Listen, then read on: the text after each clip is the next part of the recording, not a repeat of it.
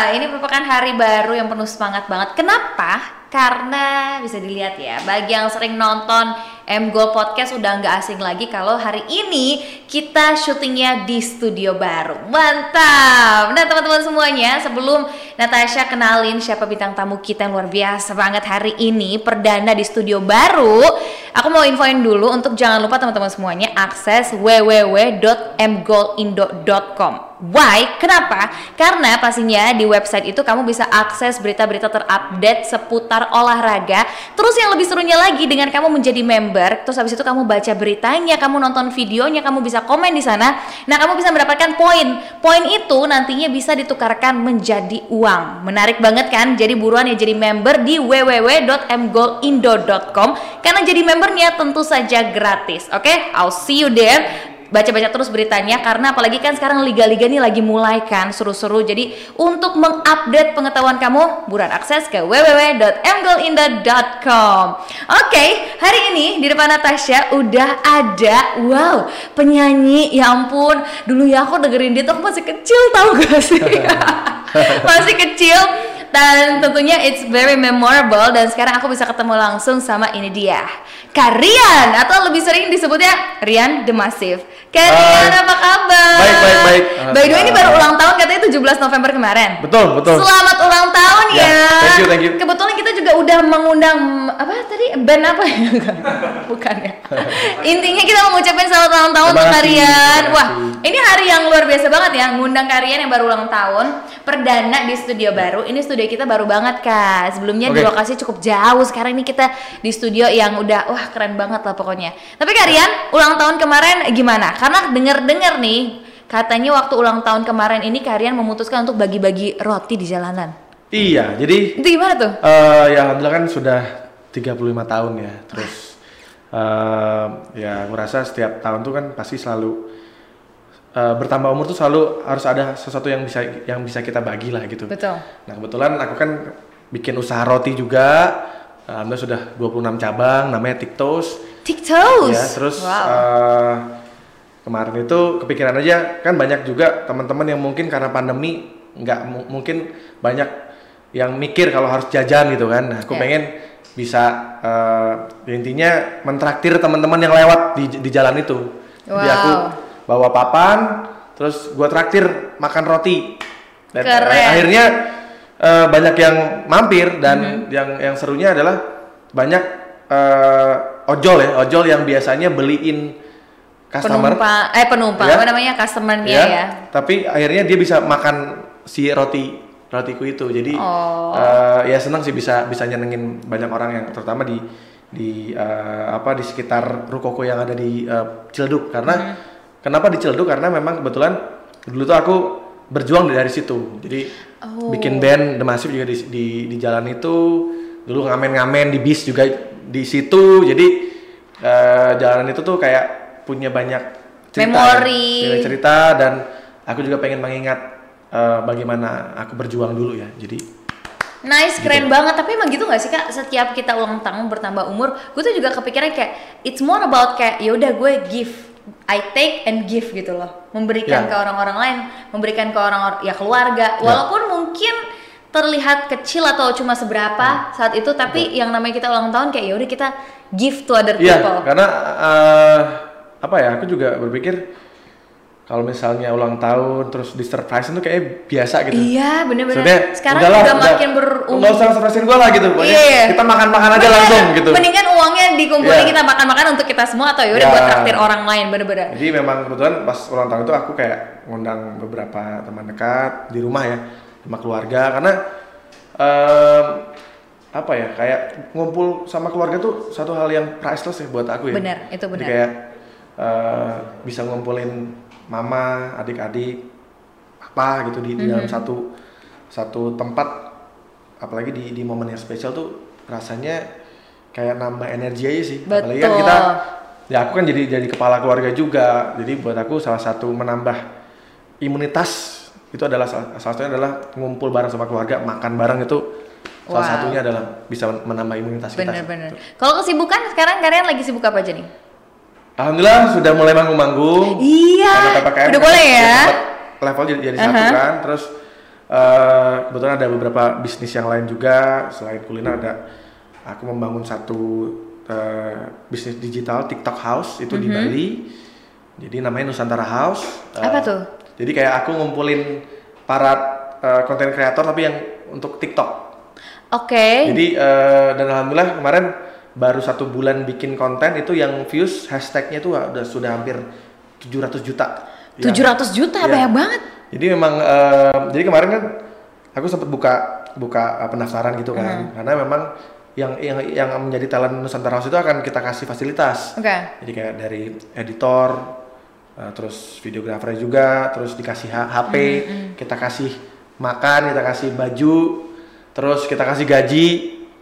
Jadi Wow. yang daftar tuh hampir 13.000 ribu orang Gila banyak banget. dalam waktu tiga hari kali ya. Tiga hari doang udah Iya, segitu. 13.000 ribu orang. Jadi antusiasmenya besar juga ya. Iya dan memang base-nya di Bali. Kenapa di Bali? Karena eh, kan jendelanya pariwisata kan orang kalau di dunia kan selalu Bali. Bali kan. Iya, iya. Jadi akhirnya aku mencoba membuka di Bali dulu gitu. Bener-bener. Nah, tapi Mas Rian, aku Mas Rian. Ya. Ya. Rian, aku nih dengar-dengar katanya ada salah satu rumah karya yang mau dijual. Itu benar Iya, nggak sih? benar.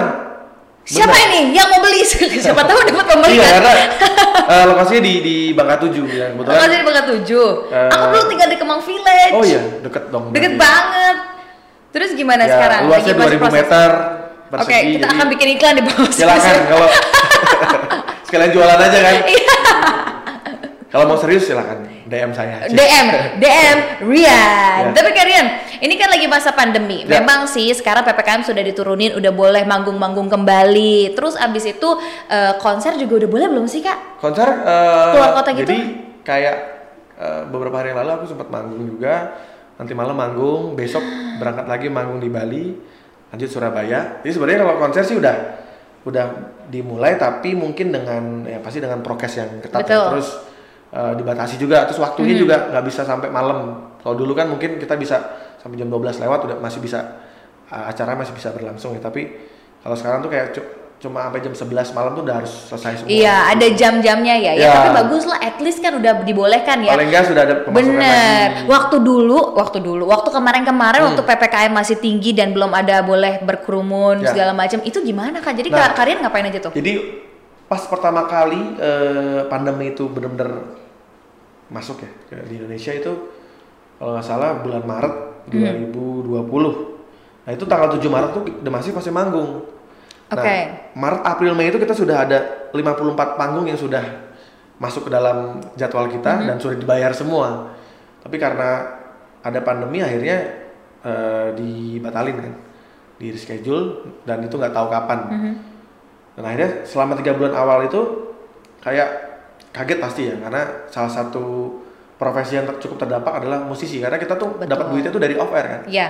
dari manggung dari Mhm. panggung ke panggung gitu selain royalti ya kalau misalnya kita eh, apa eh, punya lagu-lagu yang memang hits itu itu sangat membantu juga sih jadi selama tiga bulan awal itu kayak kita bingung shock terus bingung mau ngapain karena kan Iyalah. Karena ini nggak pernah Ya, terjadi kita kan? pemasukan kita kita kan sudah hitung ya maksudnya dari satu bulan itu misalnya 15 kali manggung itu kita udah hitung kan untuk keperluan kita setiap bulan tuh gimana tapi akhirnya mau nggak mau kita harus terima eh, apa keputusan dari pemerintah juga untuk lockdown saat itu ya jadi ya akhirnya kita ngobrol kita brainstorm lagi ketemu kita ngobrol sama eh, ya The Massive ngobrol lah kita mau gimana nih akhirnya kita mencoba untuk me- memaksimalkan aset digital kita Oke.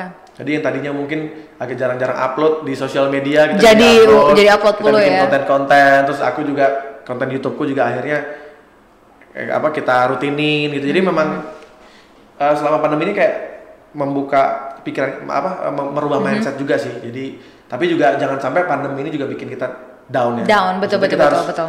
eh, apalagi kan The Massive punya lagu jangan menyerah kan gitu jadi Itu kembali itu adalah lagu kita. yang buat saya tuh kayak senjata makan tuan ya. Karena apa? Jangan. Karena, karena aku yang nulis lagunya. Kalau aku, aku sampai nyerah sama keadaan, Bener. berarti lagu yang aku buat itu nggak ada artinya. Nggak ada artinya, bener-bener. Ya udah kita terus berinovasi, kreatif. Akhirnya malah Nice. bikin album juga. Jadi ternyata gara-gara pandemi kita malah bisa nyiapin lagu-lagu untuk album baru. Jadi ada waktu, Iya. jadi ada waktu lebih banyak untuk mempersiapkan album baru itu Tuh. ya. Dan Oke. akhirnya aku juga bisa lebih em, apa mem- memperluas networkingku juga sih. Mhm. Jadi kalau sebelumnya kan aku pure sebagai musisi aja gitu. Jadi kerjaanku cuma manggung, manggung, manggung, manggung. Tapi gara-gara pandemi akhirnya aku bisa ketemu sama pengusaha-pengusaha yang sukses. Nice, aku ya. apa eh, bertukar pikiran sama mereka. Kok mereka di tengah pandemi kok mak- makin kaya gitu. Jadi akhirnya aku belajar sama mereka dan alhamdulillah pas di pandemi malah dapat banyak rezeki juga sih akhirnya Wow, karena wow. ya itu kita terus kreatif Betul. Dan sebetulnya intinya adalah muter otak pada saat di masa-masa seperti ini kita Ya. harus ya itu dia tadi brainstorm, Ya. mikir apa yang harus dilakukan. Kolaborasi Pasti ada. juga penting sih. Kolaborasi juga Karena- penting. kalau zaman mungkin sebelum pandemi kita lebih egois ya maksudnya Mhm. Kita doang maunya, everything. kalau, setelah pandemi tuh kayak kita tuh lebih diaj apa kayak disuruh untuk lebih peduli sama lingkungan Iya. aware sama teman-teman akhirnya kita juga kolaborasi kita nggak kita nggak jadi eksklusif banget lah jadi Iya. kalau dulu mungkin untuk untuk bisa kolaborasi tuh kayak kitanya juga mungkin mikir-mikir kalau sekarang tuh kayak Mhm. aku lebih terbuka aja sih jadi misalnya eh, nggak yang susah lah gitu apalagi kalau udah ngomongin soal hal-hal yang berbau kreatif ya jadi Iya, iya, iya. kolaborasi itu penting banget sih Oke, kolaborasi penting banget. Tapi nih kak, by the way, ini pasti banyak banget teman-teman yang tadi pas lagi ngobrol sama kalian agak salah fokus dengan jersey Ya, yang kita taruh di atas meja. Wah, Ya. ini dia sebetulnya yang gue nggak sabar banget pengen nanya sama kalian, kenapa ada jersey ini? Ini adalah Persija, Persija. dan ini adalah Manchester United. Ya. Ini jersey, ini jersey legend ini kak. Ya. Boleh nggak kasih tahu dulu deh, ini jersey tahun berapa? Terus kenapa Ya. waktu itu beli jersey ini? Ya, eh, sebelumnya aku mau ngasih mengasih tahu dulu bahwa memang sepak bola itu sudah menjadi bagian hidupku juga sih. Dari, Oke. dari kecil ya. Karena dulu waktu kecil tuh eh, sama papa sering nonton eh, Liga Indonesia di di GBK. Jadi aku sempat ngerasain yang namanya kena gas air mata, ngelihat kerusuhan, terus eh, apa Keinjek-injek juga Oh iya, gua bener-bener yang ngerasain. Tapi waktu aku masih kecil dan dijagain karena ada papa waktu itu kan, jadi Iya. dijagain. Tapi aku bener-bener merasakan atmosfer nonton bola di di GBK itu bener-bener ternyanyi-yang terus gitu sampai akhirnya eh, ada satu pemain sepak bola yang bernama Widodo Cahyono Putro itu eh, dulu eh, beliau main di Petrokimia Gresik Eh, di Petrokimia itu tahun Oke. 94 kamu eh, masih belum lahir Saya belum lahir. jadi eh, saat itu aku kayak melihat wah ini idola pemain idola gue banget gitu. Wow. ternyata di tahun 96 dia melakukan eh, gol, bikin gol terbaik Asia sepanjang masa. Jadi salto eh, waktu lawan eh, Kuwait di tim nasional waktu waktu main di timnas Indonesia tahun 96 dan gol itu yang sampai sekarang belum bisa belum ada pemain Indonesia yang bisa bikin gol seperti itu.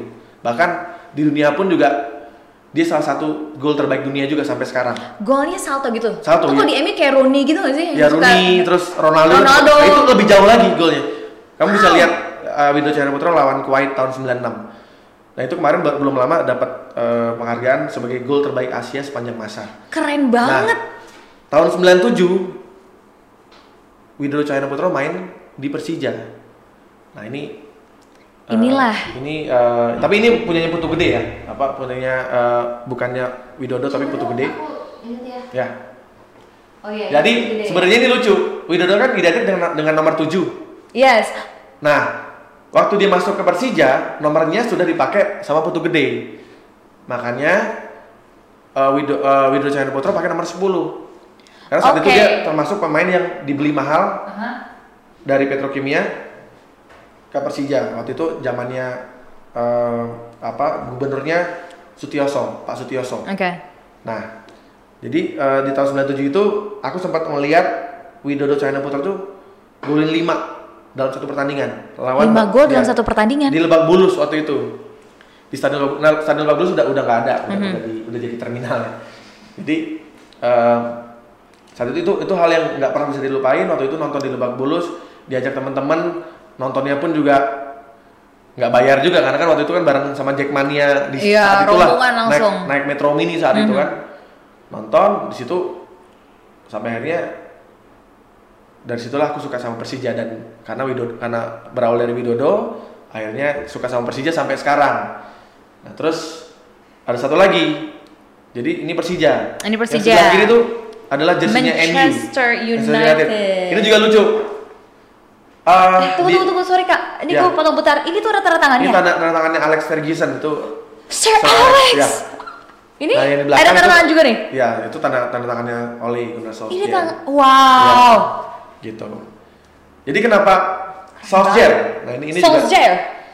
di di era itu di di zaman itu pe- apa eh, pencinta sepak bola khususnya MU itu pasti sukanya sama Beckham Iya. karena ganteng kan karena Iya, keren iya, iya. terus bener-bener. sukanya sama Ryan Giggs su- sukanya sama Paul Scholes sukanya sama Eric Cantona tapi aku tuh kan selalu gitu selalu suka sama pemain-pemain yang yang Ya. orang tuh nggak ngelirik Itu kayak anti mainstream ya. Iya. Entah kenapa waktu pertama kali lihat Solskjaer tuh dia baru pindah dari FC Molde dari Norwegia. Mhm. Itu dibeli sama Alex Ferguson dan dia pertama kali pertandingan lawan Blackburn Rovers tuh itu dia baru masuk langsung golin. Langsung Wow. golin tahun 96. Entah kenapa kok aku langsung jatuh cinta sama dia gitu maksudnya. Ini Kayak, wah ini sosok yang apa dia kan mukanya kayak bayi gitu kan. Baby face Baby face, ya. ya. Sampai sekarang sih sebenarnya Ya, ya, kalau kita lihat sampai sekarang kan. Jadi memang dulu akhirnya karena dia sering eh, dia tuh jarang main jadi pemain inti sebenarnya. Oke. Dia selalu, selalu jadi super sub. Jadi ketika dia main pasti golin, golin, golin, golin. Sampai ada satu momen lawan Nottingham Forest kalau salah itu 8-2 skornya, itu dia golin 4 hanya dalam waktu 12 menit. Nah, itu orang masih biasa aja maksudnya bahkan teman-temanku tuh lu ngapain sih suka Solskjaer gitu kan?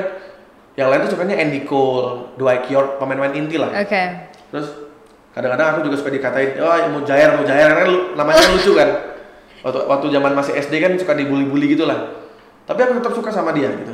Sampai akhirnya ada satu momen tahun 99 final Liga Champions. Oke. Itu lawan Ba- Bayern Munchen. Itu udah menit 90, skornya masih masih 1-0. Dan semua pendukung Munchen tuh udah udah Udah, siap-siap iya udah selebrasi merayakan nih lah, merayakan kemenangan. kemenangannya Munchen lawan Munchen, MU. ya.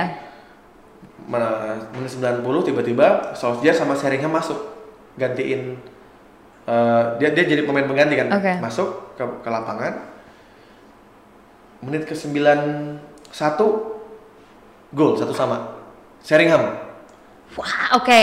jadi semua tuh udah semua bahkan ada eh, salah satu legendnya MU tuh udah udah keluar Udah diganti, keluar udah diganti. stadion. Oh, oh, oke, Legendnya MU, maksudnya oke. Bobby Bobby Charlton kalau nggak salah Sir Bobby Charlton tuh udah udah keluar karena dia Karena udah mikir kayak Iya, udah lah. dia anggap ah ini udah pasti kalah. Iya, iya, iya. Udah menit 90 1 0 kan. Haha. Tiba-tiba masuk menit 91 satu sama. Terus MU nyerang lagi. Beckham dari corner kan. Tiba-tiba Solskjaer dong golin menit 93. Wait, jadi dia penentu. Penentu. Jadi sampai sekarang aku kalau lihat tayangan ulangnya masih merinding. Sumpah, gue harus Asli. tayangan ulangnya. ya. Karena kalau kita ngebahas tentang tahun tersebut Ya. ya, jujur aja, I was born 1998. Ya. Jadi kalau misalkan untuk harus ke belakang lagi, banyak memori yang sebetulnya harus kayak gue pelajarin lagi gitu Ya. loh kak. Dan memang ini Eh, adalah salah banget. satu momen terbaik sepak bola sih maksudnya di era itu MU treble winner dia juara Piala FA, Iya. juara Liga Inggris. Gila ya. Tapi yang paling gila sih champion. Liga Champion tuh wah itu nggak nggak bisa dilupain ya maksudnya saat itu aku benar-benar sampai keluar rumah sampai teriak-teriak kan subuh-subuh tuh. kan apa sampai jam 4 pagi kalau So- salah. wow, tapi I can see kalau lo bener-bener sangat menyukai sepak bola, ke- ten- apa namanya, khususnya dua tim ini. Ya. Karena kalau ngelihat langsung kalian ngomong kayak gini, his eyes is like sparkling banget. Wow. Ya apa eh, satu hal yang ini ya maksudnya yang bikin aku tuh punya mimpi gitu. Wah gue suatu saat harus ketemu sama orang ini dan akhirnya ketemu terus udah 10 kali ketemu. Udah sama 10 kali? Iya. Wow. Jadi aku tuh Dan dia mungkin selalu ingat lo kali kak. aku sempat kasih CD The Massive juga. Wow. Nah jadi pas kemarin sebelum dipecat itu ya aku bersyukur sih eh, pas sudah dipecat aku sudah bertemu berkali-kali gitu. Benar. Karena ya dia pahlawan gua, emang bener-bener pahlawan gua. Dulu tuh beli koran bola kan ada ada koran zaman dulu bola namanya. Itu aku cari pasti yang ada Ole Ole. nih Solskjaer ya. Terus kayak koleksi jersey juga gitu dari yang Norwegia dia kan orang Norwegia Mhm. yang di timnas Norwegia aku punya juga Terus tinggal nyari yang FC Molda aja nih waktu dimainin Molda aku belum belum ketemu. Wow. Oke, kalau ngebahas tentang jersey, ini kan pasti ada value-nya kak. Ya, Ini yang sebetulnya gue paling menarik banget karena kalau misalkan lihat orang-orang koleksi jersey, ini wah antusiasnya luar biasa dan ternyata harganya mahal-mahal banget. ya sekarang jadi mahal karena sejarah sih karena buat buat para kolektor tuh yang dibeli bukan hanya bajunya tapi sejarahnya. Oke, kayak gini nih. Ini kan sejarahnya Nah ini momen ini ini, Ini juga- momen ini, luar- ini kenapa UEFA Champions League jadi apa, 1999. jersey ini jadi mahal banget. Satu karena desainnya hanya hanya dipakai di Liga Champion. Jadi kalau Oke. kalau zaman sekarang kan mungkin desainnya cuma beda-beda. Dia sama ya, tapi paling beda patchnya, beda numbernya aja. Tapi kalau zaman di era itu, MU itu liganya beda desainnya, yang home-nya beda, yang dipakai di Piala F, eh, enggak, pokoknya eh, home sama home yang di liga sama yang di Liga Champions itu beda Oke. dan dan di era itu emang desainnya bagus banget sih maksudnya sampai sekarang tuh kita kalau pakai itu kalau orang kalau kita jalan tuh orang pasti ngeliatin Gitu, Segitu karena- iya, menariknya ya. iya karena lihat aja bahannya tuh bagus banget Iya, eh ini value-nya berapa sih kak? Kalau jual lagi? kalau sekarang mungkin udah sekitar 40-an kali ini 40 ini, juta. ini, ini replika ya maksudnya bukan match worn ya kalau match worn ya udah priceless Eh, maksudnya match worn itu kalau dijual berapa sih? Kalau dibeli deh, kalau kalau aku mau beli. match worn kemarin si Ronaldo aja yang baru lelang ini kan yang untuk apa gitu laku berapa ratus juta gitu Gila, gini aja ini Ronaldo itu, replika. itu yang zaman sekarang ya Aha. apalagi yang Yang ada, iya. nah aku kebetulan aku juga punya match warnnya Oleh juga Match Tapi warnnya Oleh? ada di nah, kapan-kapan mampir lah ke rumah Mau banget, gua harus ngeliat biar lihat sih. biar lihat koleksi Berarti ini total ngumpulin jersey ada berapa? Udah ratusan sih Ratusan. Nah, mungkin udah Itu semua 300 emang kakak pakai atau emang dikoleksi aja? di koleksi sih apa kalau dipakai itu kalau momen-momen tertentu maksudnya kalau lagi kumpul sama kolektor itu biasanya Oh. adalah momen di mana kita harus agak sedikit pamer ya Gengsi ya. Pokoknya Jadi- gue terbaik. harus di apa kita pakai jersey yang paling rare pokoknya Oke, gitu. kalau lo lagi ini nih kak, misalkan hari ini mau ngumpul sama pa- Hmm. para kolektor, Ya. jersey mana yang akan lo pakai? Eh, kalau sama Persija ini salah satu yang dicari di sama kolektor Persija dan ini juga value-nya juga luar biasa juga. Mungkin udah 25 jutaan lah yang ini. 5 juta Ya. guys. Wow. Ini buat aku boleh.